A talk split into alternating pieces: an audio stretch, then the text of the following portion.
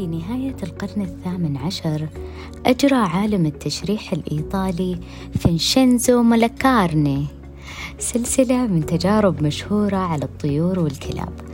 كان يقوم بعمل مجموعات من الكلاب الحديثة الولادة ومجموعات من بيض الطيور ويعطي كلب واحد من كل مجموعة من الكلاب وطير واحد من كل مجموعة من الطيور اهتمام واعتناء وتدريب.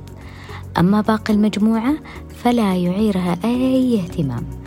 لاحقا عند تشريح هذه الحيوانات وجد أن عقل الكلب والطير المدرب أكثر تعقيدا بشكل ظاهر من باقي المجموعة بانحناءات وطيات أكثر.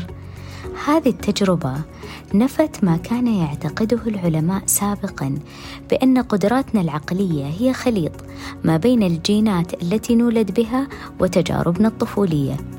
ففي الواقع تجارب الحياة متى ما كانت في الطفولة أو المراهقة أو الكبر تزيد من لياقتنا الإدراكية ومن قدراتنا العقلية. مثل ما الرياضة والأكل الصحي مهم لصحتنا البدنية فالتجارب الجديدة مثل مقابلة ناس أو هوايات أو تعلم مهارات مهم لصحتنا العقلية والحياة الصحية في جسم سليم وعقل سليم.